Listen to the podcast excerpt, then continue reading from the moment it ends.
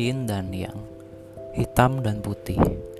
Dalam kehidupan kita sehari-hari, setiap kejadiannya pasti ada sisi positif dan negatif yang bisa kita petik atau kita pelajari. Podcast ini kami buat khusus untuk membahas sisi yin dan yang dari semua hal yang terjadi di kehidupan kita. Senang ataupun sedih, inilah kehidupan. Selamat mendengarkan, semoga menginspirasi. Oke guys, balik lagi ke podcast Indan Yang bersama gue Yuda. Dan saya Nabil. Dan ini kita Oke. berapa sih?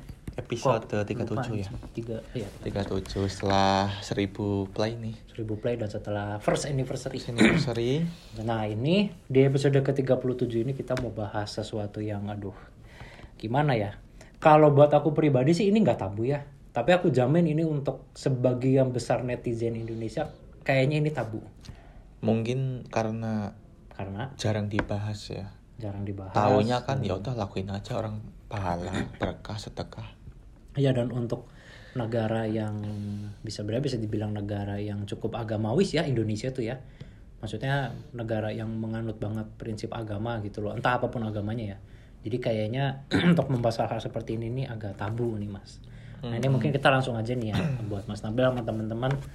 Di episode ke-37 minggu ini kita mau membahas tentang sebenarnya kebutuhannya orang tua itu tuh apakah itu udah otomatis pasti jadi kewajibannya anak ya untuk memenuhi itu.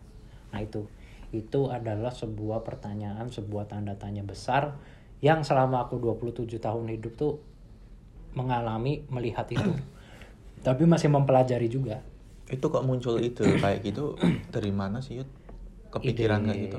si tema pembahasan itu. Mm. Sebenarnya gini, selain aku mengalami sendiri sampai detik ini, itu aku juga sebenarnya kemarin sempat kan aku sebenarnya tergabung di salah satu di satu asosiasi lah ya, salah satu grup di grup Telegram lebih tepatnya. Nah, di grup Telegram itu pokoknya isinya adalah kumpulan orang-orang broken home semua.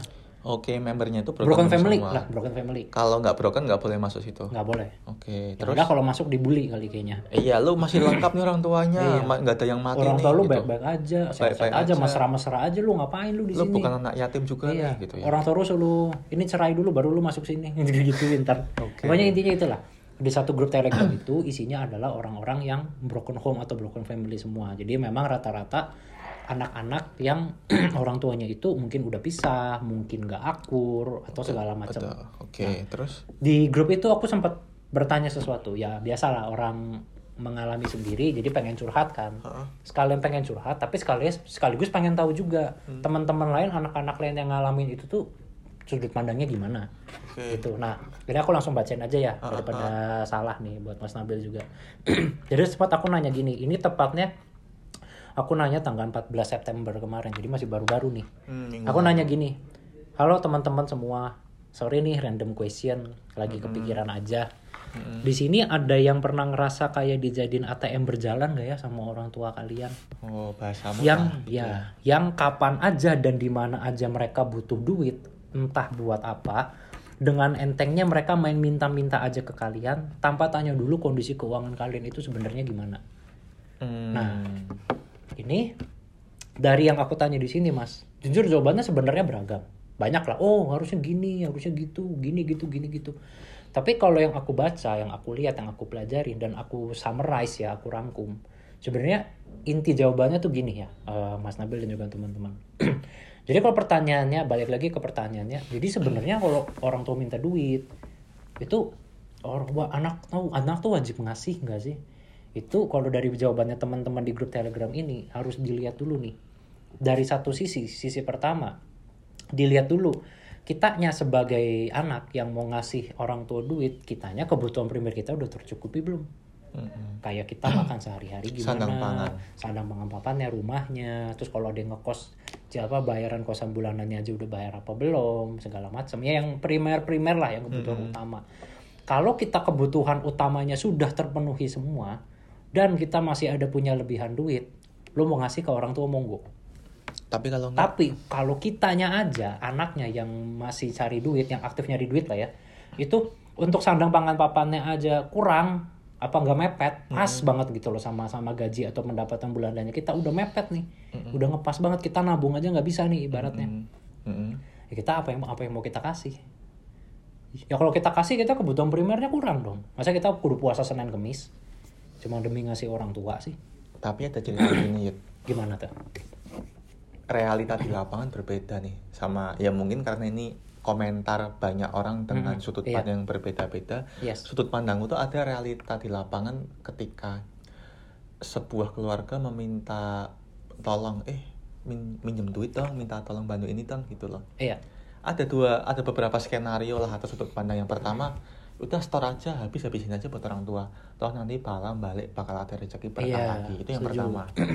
Yang kedua ada yang masih dipikirin lagi. Ini uangku pas nih itu pas nih Iya, bu iya. bapak pak D bu D atau mas atau mbak D gitu. Iya. Udah pas uangnya nih mungkin mohon maaf belum bisa bantu. Yes, kalaupun yes, bantu pun yes. ya harus dibalikin lagi nih tanggal sekian. Terus orang tuanya keluarganya bilang oh yaudah nggak nggak usah deh nanti orang tua mau utang sama yang lain.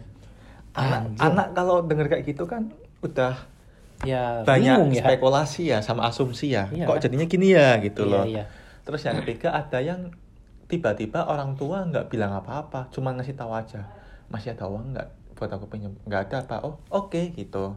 Ternyata di belakang mereka utang, Utang banyak. yang terus pas jatuh deadline nak ah, eh Yud Bill aku or- utang sekian nih bisa tolong nggak minta bantuan? Kok nggak bilang dari awal nggak bilang biar nggak ngerepotin kamu? Nanti kalau ngerepotin kan aku merasa nggak enak sebagai keluarga. Sekarang ujung-ujungnya ngerepotin anjing. Kan gitu. Itu ada banyak skenario di banyak sih lapangan Yud. pasti banyak. Iya tapi kalau mau ngambil dari sisi positif kalau kita mampu ya udah se- kita bantu seikhlasnya semaksimalnya. Semampunya dan semampunya Semampunya. semampunya, jangan maksa. Tapi kalau nggak mampu ya, gimana? Kitanya aja nggak mampu. Kalau kita nggak mampu itu Iya. yang jadi banyak bahan overthinking anak-anak ya mungkin. Kita kaum muda lah. Iyalah ya sekarang kalau aku mah gini ya. Maksudnya coba kita agak kesampingkan sedikit agama ya. Karena kan kalau kayak gini lo harus berpikir logik juga kan. Ya zaman sekarang apa apa duit kan. Apa apa makin mahal. Inflasi bensin aja bulan ini udah naik dua kali segala macam itu kan ngaruh kan pasti dari sisi keuangan kita. Kita nih sebagai yang masih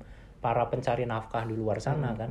nah dikala para pencari nafkah seperti kita udah agak-agak struggle maksudnya ya ada ada PR lah untuk memanage duit gimana caranya biar cukup. Tapi di, di di satu sisi orang tua kita masih minta ya kita harus apa namanya eh, harus bisa mainin logik juga. Ya kalau gua ka- kalau gua kasih nih ke orang tua guanya sendiri gimana? Cukup apa enggak ya kalau kita masukin agama ke situ lah kan yuk tapi kalau lu ngasih orang tua pahalanya gede lo eh bangsat lu bisa nggak bayar eh, cicilan apartemen cicilan motor pakai eh, ini pahala? Nggak bisa kan? Tetap bayar mah pakai duit kan? Kan harus tetap dihitung semuanya. Itu kan hitungan manusia Yud. Ada orang yang beranggapan hitungan Tuhan itu beda lagi. Lu lu pernah denger kan? Ya, pasti. Cuma kan hitungan Tuhan kan nggak ada yang tahu. Nggak ada yang tahu. Datangnya juga kapan kan nggak tahu tapi Yud ya ini terlepas dari konteks ini tuh ada kok orang-orang yang pernah cerita ke aku juga gimana tuh? Udah kalau memang uang nggak usah diperhitungkan langsung aja serahin dan bantu siapa pun itu dengan segala kemampuan kamu lo hartanya mau habis dan lain-lain yang penting itu habis dengan untuk eh, habisnya untuk hal positif. untuk hal yang positif dan produktif Ya, dan ya. dan mendapatkan barokah otomatis kamu akan diganti oke nggak masalah bisa dipakai nggak buat nyicil apartemen nggak tapi bisa Yud, kenyataan Yud, itu pasti ada berkahnya Yud. Ada apa ya? Selalu akan ada keajaiban miracle tiba-tiba kok eh, kok ada yang transfer aku sekian ya kok masih ada duit. masa sih itu kayaknya fairy tale banget dah. Yud, aku pernah ngalamin kayak gitu Yud. pernah ngalamin Pernah ngalamin. Gimana tuh? Aku nggak tahu harusnya uang habis Yud. Di dompet atau di tas kok tiba-tiba nemu uang 100 ribu nih. Tiba-tiba ada skenario something atau apalah yang menyebabkan itu hasilnya itu tiba-tiba aku mendapatkan keuntungan. Entah lewat bisnis entah lewat sumbangan entah dikasih bantuan dari Iya, iya. dalam bentuk yang lain bukan dari uang ya. Kalau mau membahas uang mah pasti akan selalu kurang dong. Ya ya kalau semampunya manusiawi kita. lah Nah, tapi mungkin akan diganti re- oleh rezeki yang lain. Mungkin dijauhkan dari hal-hal yang negatif itu positifnya sih Yud kalau memang kita udah nggak mampu tapi kita ingin memaksakan diri kita sendiri untuk membantu ya itu rezeki yang akan kita peroleh kayak gitu tuh dalam bentuk hal yang lain ya ada rezekinya lah ya. Ada rezekinya. meskipun mungkin nggak duit bukan uang Iya, tapi kan jadinya PR lagi tuh. Itu gimana mau nyicil-nyicil kalau nggak ada duit? Nah, tapi gini mas, yang aku pelajarin juga ya di jawaban dari teman-temanku yang di grup Telegram tadi. Itu kan satu sisi kita ngeliat dari sisi kitanya. Sebagai anak, sebagai yang mau ngasih duit, itu kita harus ngeliat dulu intinya dari sisi kitanya sendiri kebutuhan primer kita udah tercukupi belum, udah terpenuhi belum. Kalau udah dan kita masih ada spare duit, masih ada lebihan duit, ya ya lu mau ngasih monggo gitulah intinya kata teman-teman di grup Telegram ini. Tapi ada juga yang ngasih sudut pandang sebaliknya, Mas. Jadi dia lihat dari orang tuanya dulu nih, dibalik. Oh. Jadi ketika misalnya contoh nih, orang tua aku minta duit ke aku nih, Yud, minta duit dong. Nah, coba ditanya lagi, minta duitnya tuh buat apa? Kalau minta duitnya untuk kebutuhan primer, ya lu kasih. Kayak misalnya contoh, orang tua lu nggak punya duit buat makan, masa iya sih lu nggak ngasih? kasih kalau orang tua lu misalnya contoh nih contoh aja nih orang tua lu lagi apa berantem apa gimana sama pasangannya terus dia diusir nggak punya rumah masa lu nggak nyariin kosan kek apa kek atau yaudahlah sini eh, apa tinggal bareng sama gue dulu aja itu kan pasti lu ngasih dong sebagai anak dong karena kebutuhannya primer harus terpenuhi Mm. tapi kalau kayak aku pernah ada kejadian aku nggak usah bilang lah ya antara eh, mama atau eh, ini papaku oh yang ini minta cerita orang lain ya enggak ini ini ceritaku pribadi oh oke aku tapi nggak bilang lah ini dari dari keluarga mana mama gitu apa ya? papa gitu Oke. pokoknya adalah orang tuaku yang minta dia bilangnya gini eh Yud aku boleh minta uang nggak ketika aku tanya buat apa Hah? dia bilangnya gini iya aku ntar weekend aku mau jalan-jalan sama teman-temanku ke ini Tangerang. Coba dipikir coba. Tak dulu nih. Lu minta bukan buat karena lu kekurangan makan bukan karena lu nggak punya tempat tinggal bukan karena lu nggak punya pakaian buat dipakai sehari-hari tapi untuk jalan-jalan. Sekarang gini logika aku berpikir gini meskipun uj- ujung-ujungnya aku kasih coba maksudnya logika logika berpikirnya adalah seperti ini ketika kalau di contoh tadi orang tua kita minta minta uang ke kita untuk jalan-jalan.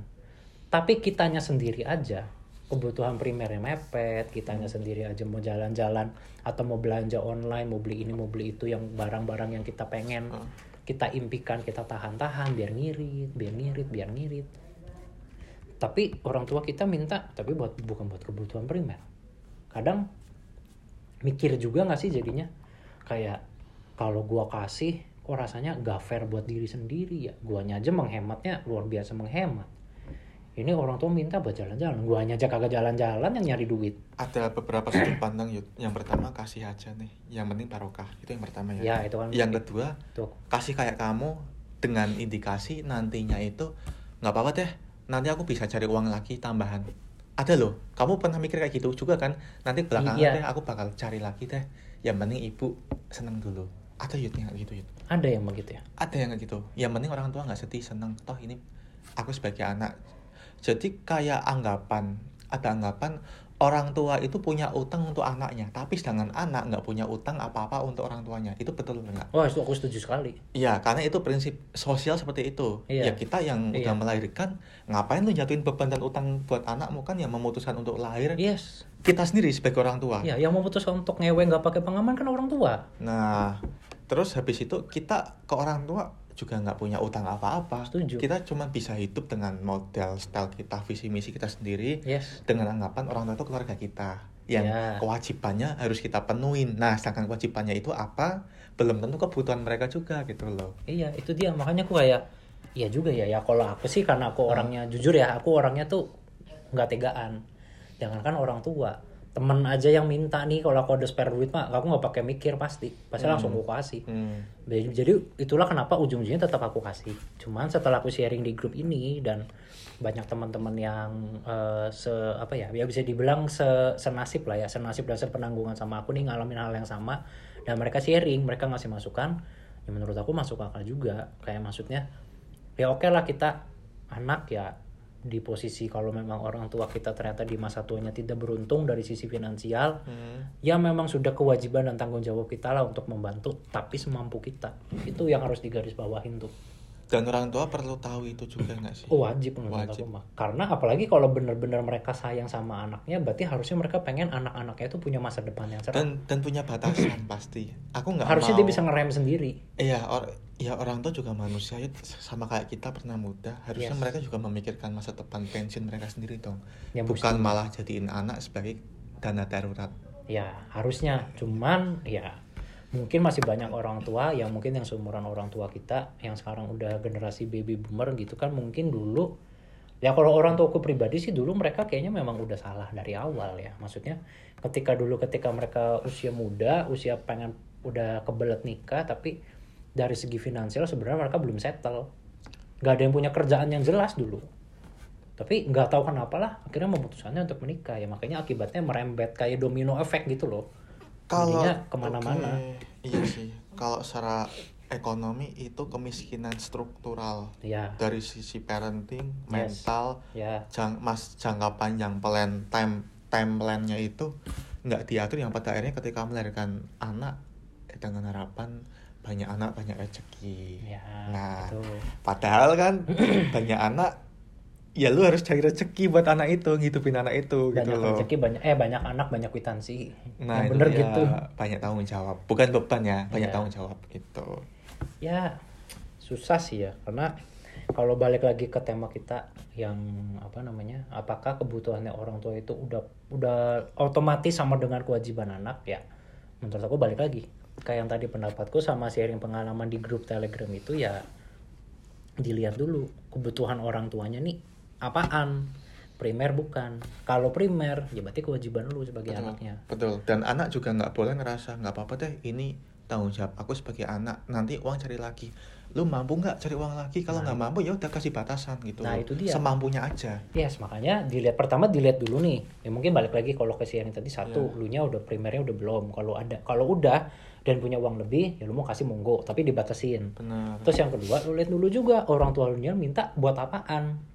Kalau buat kebutuhan primer kayak kalau lu nggak ngasih dia nggak bisa makan, dia nggak punya tempat tinggal, dia nggak punya pakaian, ya lu wajib ngasih. Iya, Masih betul. ngasih lu tegang ngeliat orang tua lu nggak makan, nggak punya tempat tinggal, nggak punya pakaian kan nggak mungkin Ya lebih sadar diri dengan bijak. aja menyadar deh. diri cuman ya ketika lu mau ngasih pun ya di harus dibatasin juga atau walaupun memang ternyata orang tua lu sebenarnya primernya udah semua tapi dia masih minta lebih minta lagi untuk kebutuhan yang lain kayak misalnya tadi contoh jalan-jalan apa segala macem ya balik lagi sih kalau Iya, lu kecuali lu nya mau ngasih monggo tapi saran gue sih dibatasin. Kecuali kondisi force major ya ketika orang tua Oh ya, sakit kalau itu sih mau nggak lagi mau. butuh apa itu beda konteks kalau lagi kalau itu mau nggak mau. Kalau ini kan jalan-jalan sebenarnya bisa di bisa di bisa di hold perasaannya.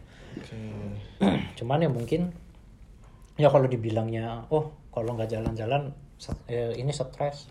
Ya apa pun itulah. Ngadepin hidup segala macem ya anak-anaknya juga yang kerja stres kali. Dikira kita nggak pengen jalan-jalan kalau duitnya nggak terbatas sih pengen jalan-jalan. Hmm. kan gitu.